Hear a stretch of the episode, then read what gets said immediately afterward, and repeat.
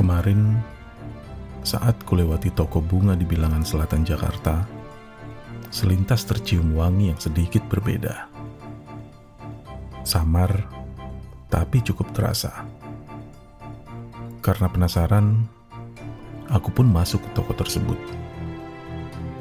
Sambil pura-pura memilih bunga, aku iseng bertanya kepada ibu penjaga toko. Ini wangi bunga apa ya, Bu? Ibu tersebut sempat agak bingung dengan pertanyaanku. Karena ya namanya toko bunga, pasti wangi bunga kan? Akhirnya, beliau mencoba mengarahkanku ke beberapa bunga yang menurutnya cukup wangi. Tapi, ternyata bukan wangi itu yang sempat mengusikku tadi. Sambil berkeliling mencari, tiba-tiba aku teringat akan kisah sahabatku lebih dari 20 tahun yang lalu. Ini adalah cerita tentang sahabatku Ray. Dalam perjalanan panjangnya, menanti seseorang yang tersimpan di dalam hatinya. Aku ingat pada suatu sore di awal tahun 97, kami sedang duduk di teras rumahku, berbincang mengenai pendaftaran ulang dan hal-hal remeh lainnya. Hingga akhirnya topik perbincangan kami sampai di siapa wanita idola harapan masa depan kami. Karena saat itu aku sudah punya kekasih, maka aku langsung bertanya kepadanya. Ray, siapa cewek di kampus kita yang pengen lo jadiin pacar? Kira-kira begitulah pertanyaanku.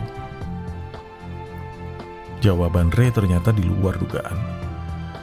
Sambil menghembuskan asap rokoknya, ia menjawab, Gak ada man. Gue sadar, gue bukan tipe ideal untuk cewek-cewek. Jawabnya kemudian. Aku jelas tidak percaya.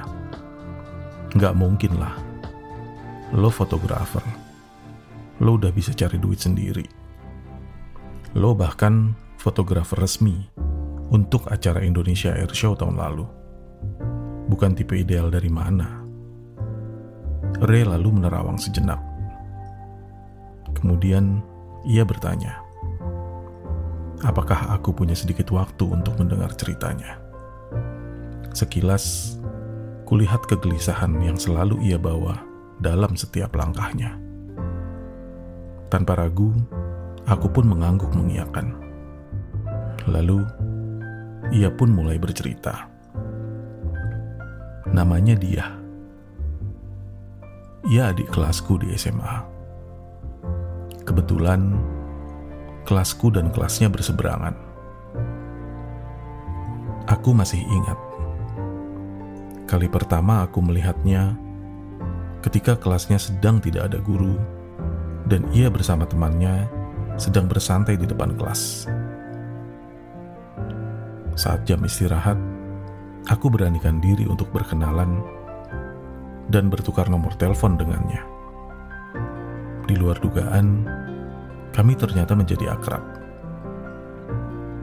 Minimal seminggu sekali kami mengobrol di telepon untuk saling bertukar cerita.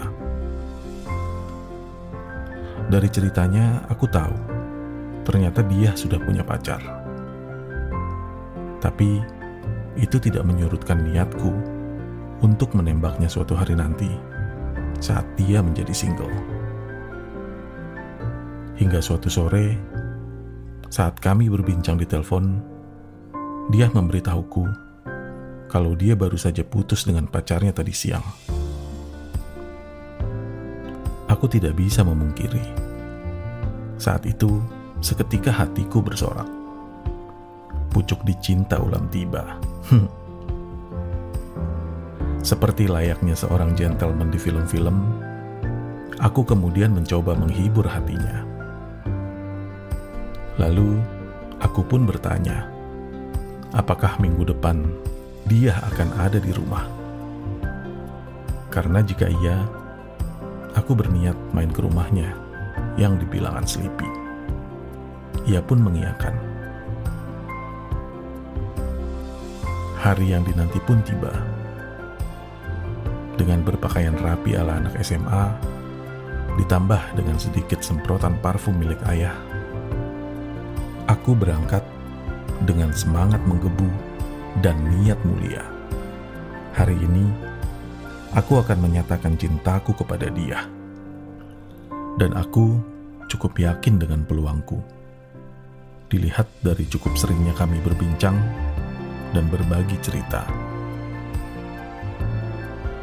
Dia langsung membukakan pintu dan menawariku minuman.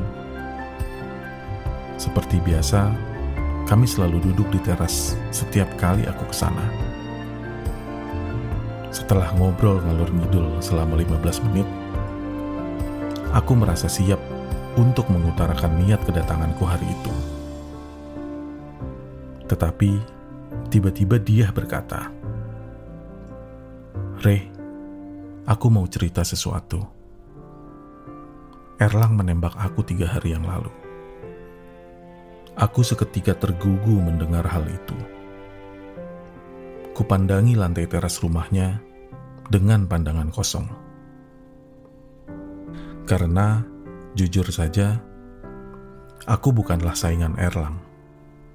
Dia kakak kelasku, sosok idola di sekolah, tampan, dan datang dari keluarga berada. Sebuah paket lengkap, berbanding lurus denganku yang datang dari keluarga sederhana, ditambah mukaku yang pas-pasan. Aku masih ingat bagaimana aku mengunyah kata demi kata yang aku ucapkan selanjutnya. Lalu, apa jawabanmu? Dia menjawab, "Aku menerimanya." Hatiku remuk mendengarnya. Aku mencoba dengan segenap kerelaan hati saat aku bilang aku turut berbahagia untuknya dia ternyata menyadari perubahan gesturku. Ia lalu bertanya, "Ada apa?" Apakah aku tidak setuju kalau ia berpacaran dengan Erlang? Saat itu, aku tahu bahwa aku sudah tidak mungkin memenangkan hatinya. Akhirnya, aku menjawab pertanyaan dia sebelumnya. Ini bukan tentang aku setuju atau tidak setuju kalau kamu pacaran dengan Erlang. Sebenarnya, kedatanganku hari ini adalah untuk menembakmu. Aku berpikir bahwa waktu seminggu setelah kamu putus dengan pacar kamu adalah waktu yang ideal untuk menembak kamu. Ternyata, aku salah, dan aku terlambat. Kami lalu terdiam untuk beberapa saat. Dia lalu bertanya kepadaku, "Apa yang membuat kamu yakin kalau aku akan menerima kamu sebagai pacarku?" Aku lalu menjawab, "Sayangnya, aku tidak akan pernah tahu." Ini adalah situasi yang berbeda. Sebelum aku beranjak pulang, aku berkata kepadanya, "Aku akan mencoba kembali tahun depan.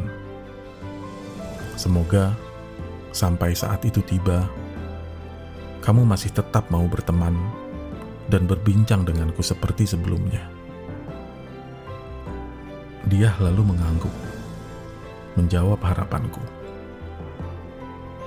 Ini adalah janji pertama yang kuucapkan kepadanya, dan aku berniat untuk menepatinya. Saat itu, aku belum menyadari bahwa perjalanan ini akan mengubah hidupku sepenuhnya. Teman-teman, nantikan kelanjutan cerita hati Re ini di episode selanjutnya.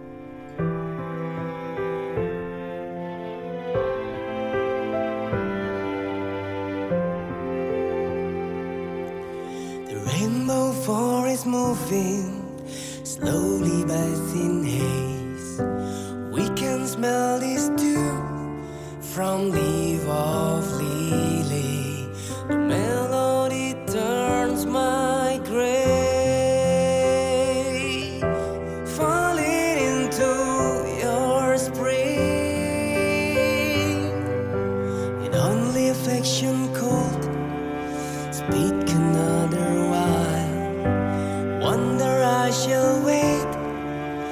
Mother's Day and smile shining through my warmly.